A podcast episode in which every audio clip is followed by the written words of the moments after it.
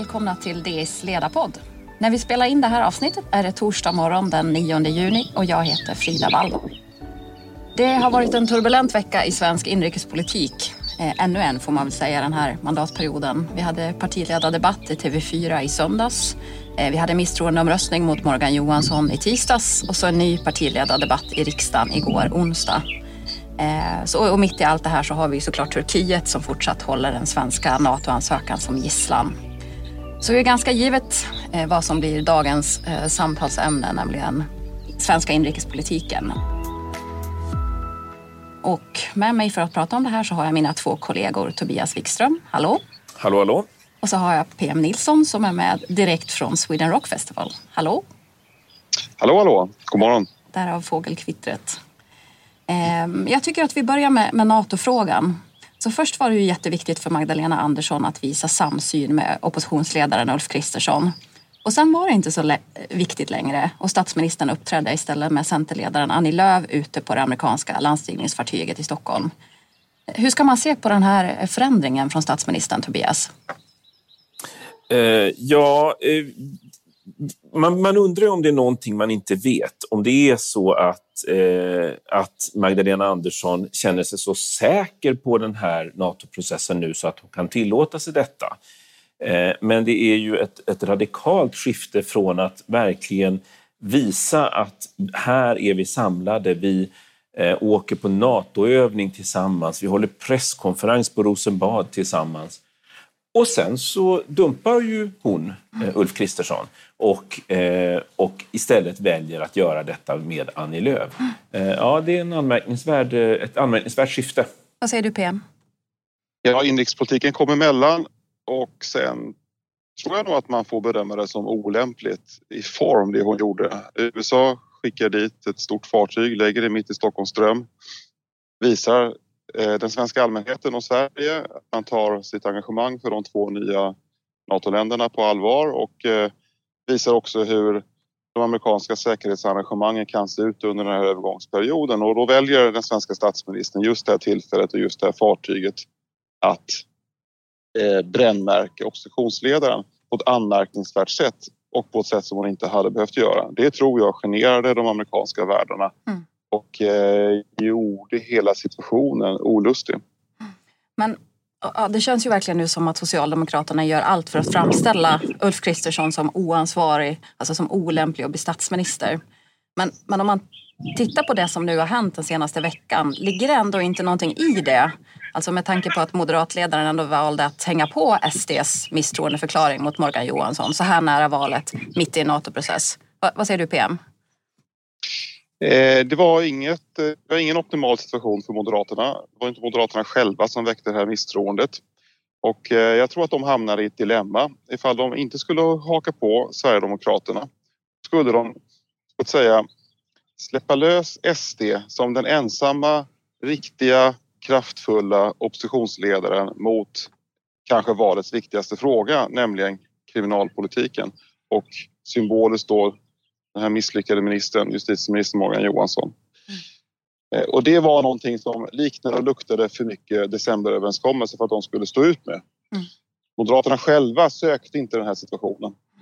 Men då valde de att, göra, eh, att, att, gå med, med Sverigedemokraterna och eh, ansluta sig till deras, till deras misstroendeförklaring och eh, försökte, vad ska man säga, spela 1-1 mot Socialdemokraterna i det här läget eh, istället för att förlora med 1-0. Men det finns ju också en annan aspekt av det hela och det, det var ju faktiskt att det här handlade om justitieminister eh, Morgan Johansson och ingenting annat. Det var ju Magdalena Andersson som valde att trappa upp det här till att handla om, hela, om, om eh, förtroendet för hela regeringen.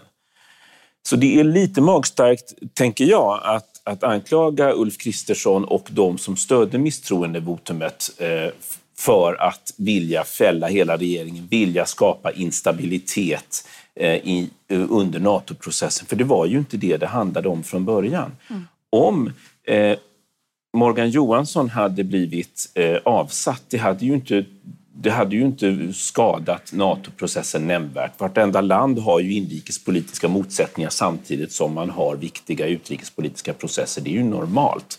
Det är inget konstigt alls med det. Eh, så nu, så nu valde man alltså att, att, trappa upp det här och dessutom så har ju Magdalena Andersson gjort det med besked.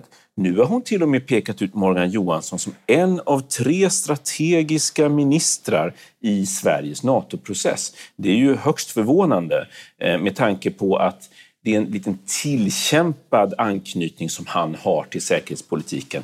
Han, under hans departement så sorterar MSB och Säpo visserligen. Mm. Men att säga att han skulle vara central i Sveriges NATO-förhandlingar, ja det är ju väldigt märkligt. Och det är ju helt Magdalena Anderssons verk att, att hon gjorde den kopplingen. Mm. Det jag tänkte på nu med den här riksdagsdebatten igår och allt prat här om vad som väntar nästa vecka, nämligen att det ska vara en omröstning om vårändringsbudgeten, så säger ju statsministern nu att om den här budgeten, regeringens budget, skulle falla så kommer hon fortfarande att sitta kvar. Att hon kan leva med att fortsatt regera på oppositionens budget med tanke på att det är så nära in på valet.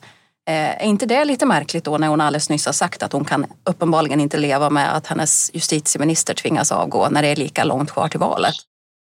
Ja, jo, det kan man verkligen säga. Eh, nu är det ju någonting som de har levt med så många gånger. Mm. Eh, vad blir det i ordningen? Är det tredje gången, tredje eller fjärde gången som de kommer regera på motståndarnas budget? Mm. Eh, så att hon som statsminister har visst, va, viss vana.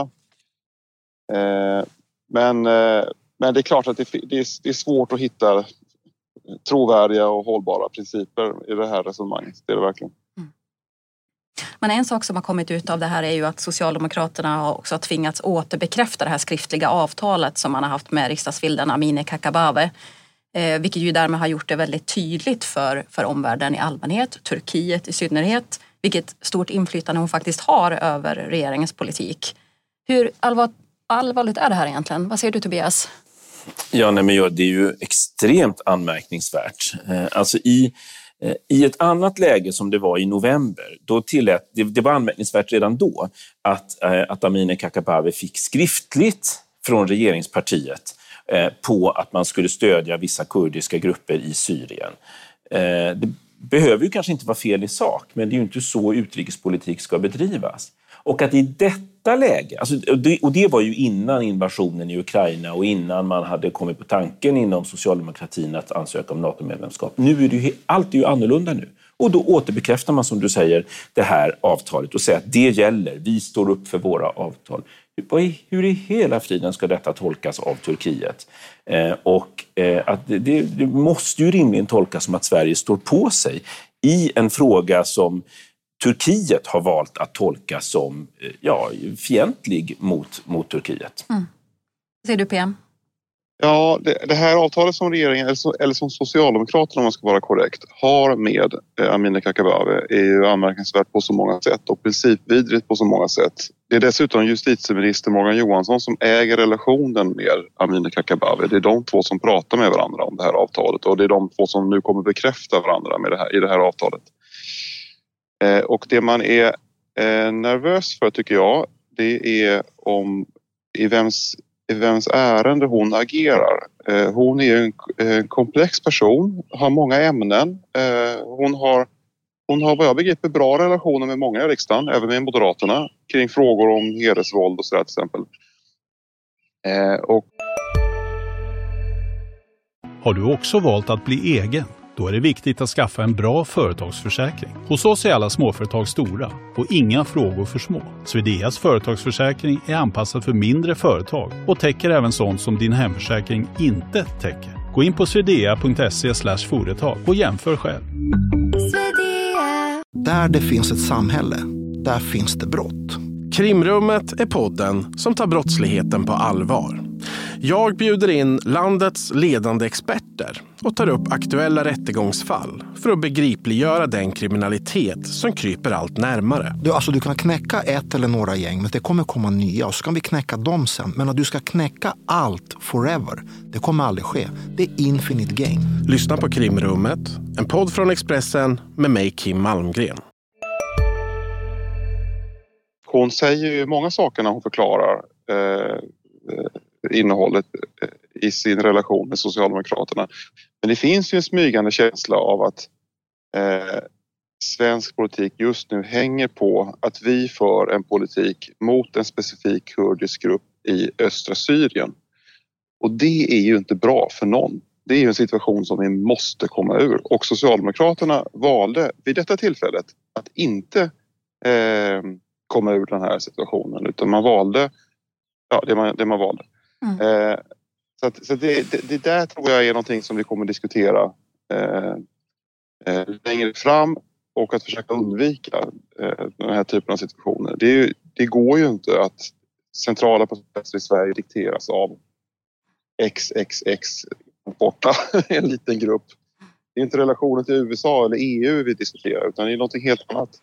Men beror det här på att vi är så nära valet? Att man faktiskt inte vill, vill störa den här ordningen som faktiskt har gällt sedan i november? Att man, att man eh, förlitar sig på stödet från henne? Ja, det kan vara det som Tobias eh, antydde i början på samtalet att eh, Magdalena Andersson vet någonting som vi inte vet om mm. hur förhandlingen med Turkiet går. Eller så av någon anledning bedömde hon, bedömer hon Morgan Johansson som så viktig för hennes regering och för valkampanjen. Och att offra honom nu skulle se ut som att man viker ner sig i den frågan som ser upp som den viktigaste. Mm. Skjutningar, kriminalitet etc. Men, men man, man, man, skulle kunna vända på det och säga att det är ganska bra att offra honom nu för att då ger det, ger det sken av ett rent bord och en ny person kommer in och det är svårt att angripa honom eller henne för det som har gjorts under de åtta åren. Men det måste ändå någonstans vara så att eh, att det, det, hon anser att det är ett hårdare slag eh, prestigemässigt mot hennes lag, mot hennes regering, att få en minister fälld än att få en budget fälld. Eh, och det, är ju, det strider ju mot all, alla sådana här antaganden som tidigare har gjorts liksom i, i politisk forskning och sådär. Att, att det som är det hårdaste slaget mot en regering är att få den budgeten fälld. Då avgår man. Mm. Det har ju regeringarna Löfven och Andersson visat flera gånger att det gör man inte alls. Men däremot ligger det väldigt mycket prestige i att inte få en minister fälld. Eh, och till saken hör ju att hon hade ju kunnat eh, stuva undan Morgan Johansson innan. Hon hade inte behövt vara med om en förnedrande omröstning i riksdagen. Eh, den ställs ju in om han redan har avgått själv. Det hade ju funnits goda möjligheter för henne att manövrera eh, för, eh, vilket ju hade varit värt priset kan man tycka i det här internationella känsliga läget. Men hon valde att sätta hårt mot hårt. Apropå den budgeten, budgetomröstningen Tobias. Vad, vad, skulle det betyda då i praktiken om regeringens vårändringsbudget nu faller nästa vecka? Ja, så vitt jag begriper, så i det beslutet som ska tas då nästa vecka så ingår även pensionsförslaget. Alltså pensionsförslaget innehåller flera delar, alltså det här som eh, Norsi kallar, Norsi Dadgostar kallar Norsi-tillägget eh, och så, alltså det vill säga en höjning av garantipensionerna med skattefritt tillägg och så vidare. Eh, en del av det rör då alltså vårändringsbudgeten, alltså ändring av årets budget. Och, det, och faller vårbudgeten och den borgerliga vinner, då faller också alltså det socialdemokratiska pensionsförslaget. Det tror jag att de är beredda på. De har en plan B. Mm. Och det handlar rimligen om att säga att oppositionen fällde eh, pensionsförslaget. Det är oppositionens fel att, att ni pensionärer inte får en extra utbetalning den 20 augusti som det faktiskt är planerat. Det här är ju en ren, ett rent val, eh, en ren valmuta. Eh, jag har aldrig sett något liknande i Sverige, att man bestämmer att någonting ska betalas ut precis i slutet på augusti, tre veckor före valet. Eh, men då kommer man ju utnyttja det och säga att det är, eh, det är de borgerligas fel att det inte kommer en extra utbetalning till er pensionärer. Okej. Okay. Så vad tror du då? Om, om hur det går i omröstningen mm. menar du? Ja. ja. Den, den, är ju mer, den är ju annorlunda än, än eh, misstroendeomröstningen. I en misstroendeomröstning krävs det att det är 175 eh, ledamöter som röstar för ett misstroende. I det här fallet så räcker det med att det, alltså det budgetförslag vinner som har flest röster. Det behöver inte vara hälften av riksdagens ledamöter, liksom. Mm. Eh, men det hänger ju ändå på hur Centern agerar och hur Amineh Kakabaveh agerar. Eh, och, eh, men det, det, är mer osäkert eh, så att säga, på grund av de här faktorerna skulle jag säga. Mm. Men om man, ska, om man har sett signalerna den senaste tiden vad gäller Centern så, så verkar det ju som att de verkligen nu har valt sida. Alltså Annie Lööf sa ju i TV4s partiledardebatt här i söndags eh, hon sa ni på den andra sidan när hon vände sig till Moderaterna, KD, SD och Liberalerna. Så, så PM, är det här, this is it? Nu är det två block som du har pratat om väldigt länge. Ja, det, det, kan man vara ganska säker på. Eh, det man vet om Centerpartiet är att de eh, mäter allting. Det är ju ett rikt parti sedan de sålde Centertidningarna för några år sedan.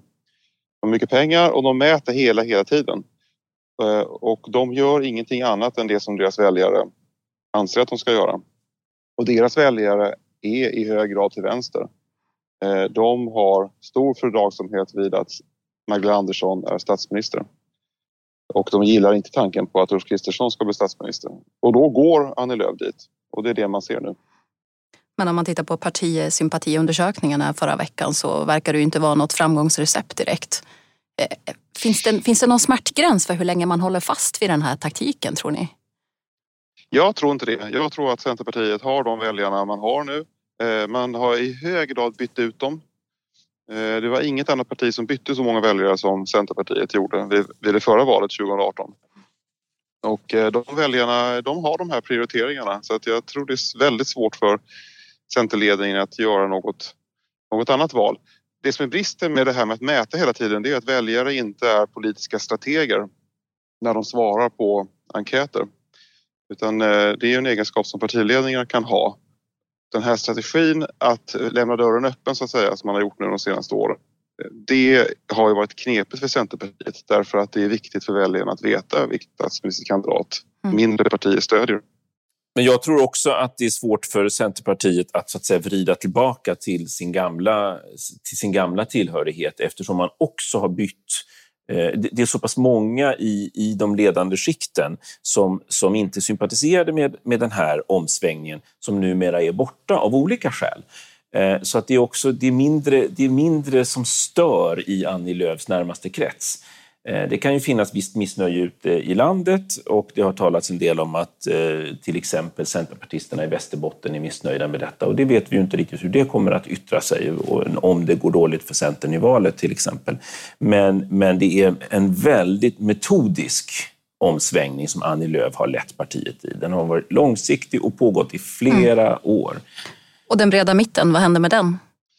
Det är en definitionsfråga för Centerpartiet vad som är den breda mitten. Den breda mitten kan ju vara eh, den konstellation som Centerpartiet ingår i. Men, men, men den breda allmänheten tror jag uppfattar vänsterblocket som ett vänsterblock eftersom det är en så statsministerkandidat och Miljöpartiet och Vänsterpartiet hänger i samma block.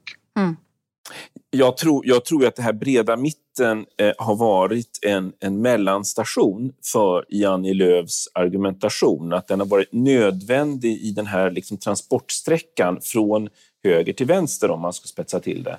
Att eh, liksom formulera sitt existensberättigande i mitten och sen så andra slutsatser blir då att ja, men vi, vi kan inte stödja dem, alltså måste vi höra hemma i det här vänsterblocket. Så att det har varit en, en, en station på vägen som har varit nödvändig i, för, för att försvara sin omsvängning. Vi tar och sätter punkt där för idag.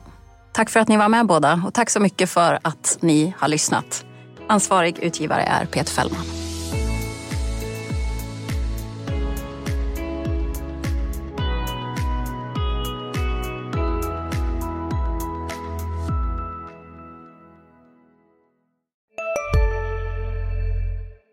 Hej, Synoptik här. Hos oss får du hjälp med att ta hand om din ögonhälsa. Med vår synundersökning kan vi upptäcka både synförändringar och tecken på vanliga ögonsjukdomar. Boka tid på synoptik.se. Hej, Susanne Axel här. När du gör som jag och listar dig på en av Krys vårdcentraler får du en fast läkarkontakt som kan din sjukdomshistoria. Du får träffa erfarna specialister, tillgång till lättakuten och så kan du chatta med vårdpersonalen. Så gör ditt viktigaste val idag, lista dig hos Kry.